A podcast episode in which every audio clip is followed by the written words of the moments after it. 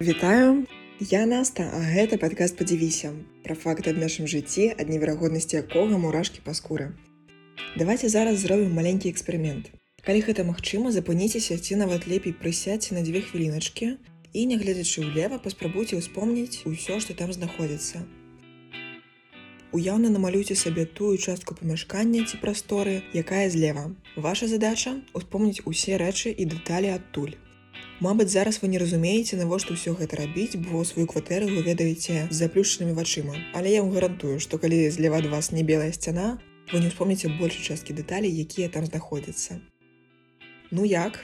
Магу выказаць здагадку, што вы ўспомнілі толькі тое, з чым нядаўна кантактавалі. А тое, на што не звярталі ўвагу пару дзён, вы заўважылі толькі калі паглядзелі ўлева. Гэта і ёсць тое, што завецца слепасць неўвагі. Ці інакш перцэптыўная слепасць. Сапраўды мы добра заўважаем тое, з чым кантактуем, ці тое, на што самі хацім звяртаць увагу. А зараз вельмі раю вам паставіць падкаст на паўзу і паглядзець каротенькі ролик на паўтары хвілінкі, пасылачку на які магчыма знайсці ў маім тэлеграм-канале. Яна там будзе самая першая за 26 снежня. Там вам трэба будзе падлічыць, колькі пасоў зрабіла каманда ў белым. Асцярожна зараз ужо будуць спойлеры, пасля якіх відэа будзе глядзець нецікава. Ну як жа так атрымліваецца, што ў першы прагляд амаль ніхто не заўважае мядзведзя, які найпавольнейшым чынам прайшоўся танцуючы праз увесь экран. Гэта відэа геніяльная рэклама лондонскага грамадскага транспарту. Калі не зважаць, магчыма шмат чаго прапусціць. Тлумачыць тэкст на экране. Сачыце за раварыстамі. Задача была падлічваць колькасць пасоў, а не назіраць ці не з'явіцца там танцуючы мядзведь паглядзіце самі. Гэта відэа працуе толькі адзін раз і калі вы будетеце пераглядваць яго яшчэ раз вы ўжо просто не здольны будетеце мядзведзі не заўважыць бо вы ўжо ведаеце што чакаць. На мой погляд гэты ролик просто неверагодна паказвае як часам мы бачым толькі нейкую вузкую частку рэчаіснасці якое наше ўспрыманне выбарчае. Мы запамінаем не ўсё што ўспрымаем а ўспрымаем мы далёка не ўсё што бачым Насамрэч у ўспрыяццё рэчаіснасці ўжо ўкладзена наша прысутнасць, таму бачыць яе без прызмы нашага вопыту і асабістасці нашага зрока проста немагчыма. Атрымліваецца нейкі парадокс. Каб пабачыць штосьці, неабходна мець прыёмнік інфармацыі, напрыклад вока і апрацоўнік інфармацыі, напрыклад мозг. Наша ўвага і ўспрыяццё фарміруюцца адукацыяй, выхаваннем, мовы і ўвогуле папярэднімі ўспамінамі. Напрыклад, магу выказаць здагадку, што звычайна, калі людзі гуляюць у мяч, вы не тое, чтоб і бачыце паміж іх танцуючага мядзведзя. Але як тады ўвогуле разважаць аб рэчаіснасці, калі, мабыць, яе ніхто ніколі і не бачыў і кожны ўспрымае па-свойму. А як вам тое, што частка сетчаткі, здольная распазнаваць прадметы з добрай разрознасцю, адпавядае куту агляду ўсяго ў 2-3 градусы. Канешне, чалавек здольны двумя вачыма распазнаваць аб'екты ў аглядзе ў 180 градусаў перад сабой, але трохмернымі мы бачым іх толькі ў межах 110 градусаў, а паўнаколернымі яшчэ ў меншым дыяпазоне. Но сапраўды выразна, дакладна мы бачым рэчы толькі ў дзвюх-трох градусах з гэтых 180. Гэта прыблізна пазур вялікага пальца на выцягнутай руцэ. У параўнанні з гэтай маленькай часткай астатняя сетчатка, магчыма сказаць, нічога не бачыць. Атрымліваецца, што бакавы зрок у большасці сваёй проста звычка, ілюзія. Наша поле зрока віртуальная мадэль рэчаіснасці, вырабленая мозгам з улікам папярэдняга вопыту. І менавіта гэту мадэль мы і бачым. Менавіта яе мы і лічым за сапраўдную. Паспрабуйце зафіксировать зрок на нейкім тэксце на адным слове і працягвайце чытаць. Вельмі хутка вы зразумееце, што не здольны праглядзець і аднаго сказу. Дык вось менавіта так мы ўсё і бачым. Толькі яшчэ да гэтага вельмі хутка пераводзім наш погляд. Ды ўвогуле мы здольны бачыць толькі пакуль мы вачыма не рухаем, а робім мы гэта прыкладна 3-4 разы ў секунду. Сакады кароткія рэзкія рухі вачэй, кожны з которых можа цягнуцца ад 20 до 200 мілісекунд. Падчас сакады ў поток зрокавай інфармацыі ў мозг прыпыняецца і мы не бачым нічога. Для параўнання, калі б вам паказвалі фільм, дзе 4 разы ў секунду былі б прабелы нават у 20 мілісекунд, то вы б не глядзелі гэты фільм. Але чаму ж тады працэс бачання ўспрымаецца намі як неперапынная плынь інфармацыі?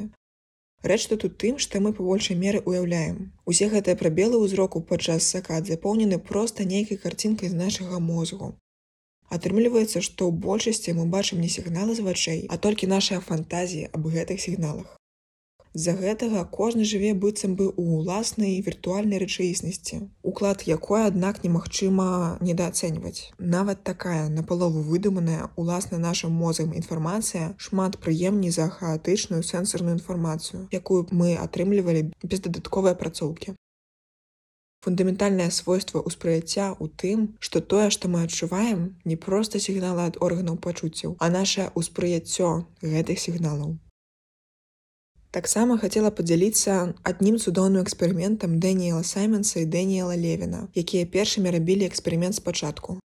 Толькі ў арыгінале там была гарыла а не мядзведь гэта ўжо адаптацыя рэжысёраў якія здымалі ролик для лонданскага грамадскага транспарту.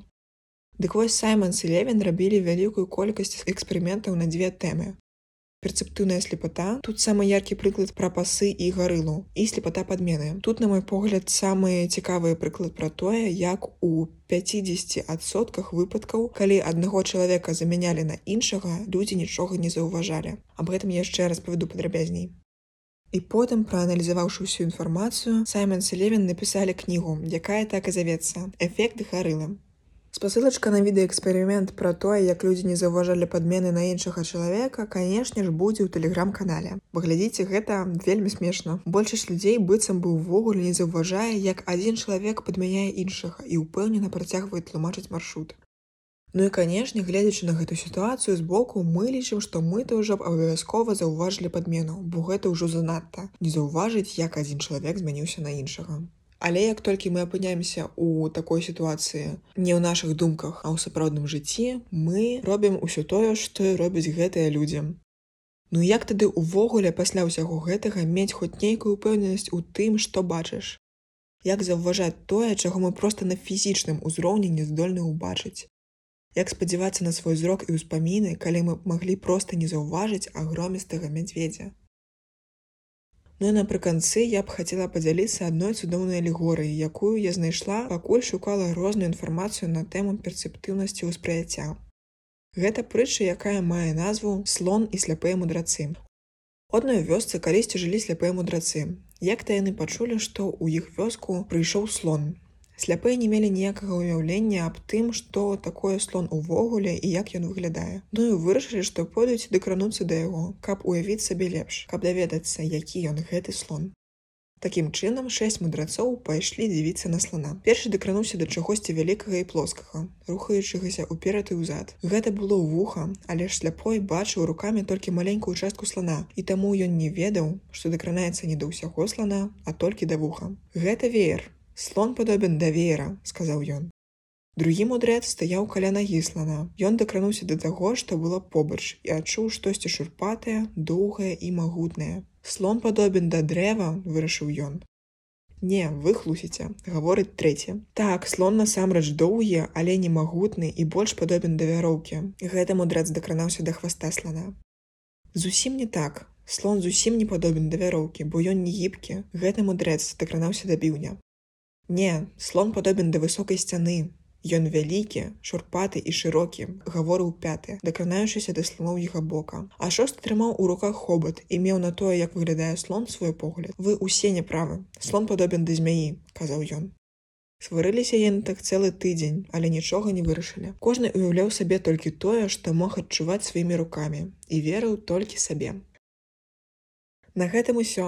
Абавязкова зірніце ў тэлеграм-канал падкаста спасылачку на які магчыма знайсці ў апісанні каб знайсці там усе прапанаваныя відэа да выпуска. Ну а гэта быў апошні выпуск у гэтым годзе. Шчыра дзякую за зацікаўленасць падкастам. Мне вельмі прыемна бачыць зваротную сувязь. Віншую іх зімовымі святамі. Жадаю глядзець на ўсяго слана цалкам і заўважаць усё што павінна быць заўважана. Дзякуй за праслух. Пачуемся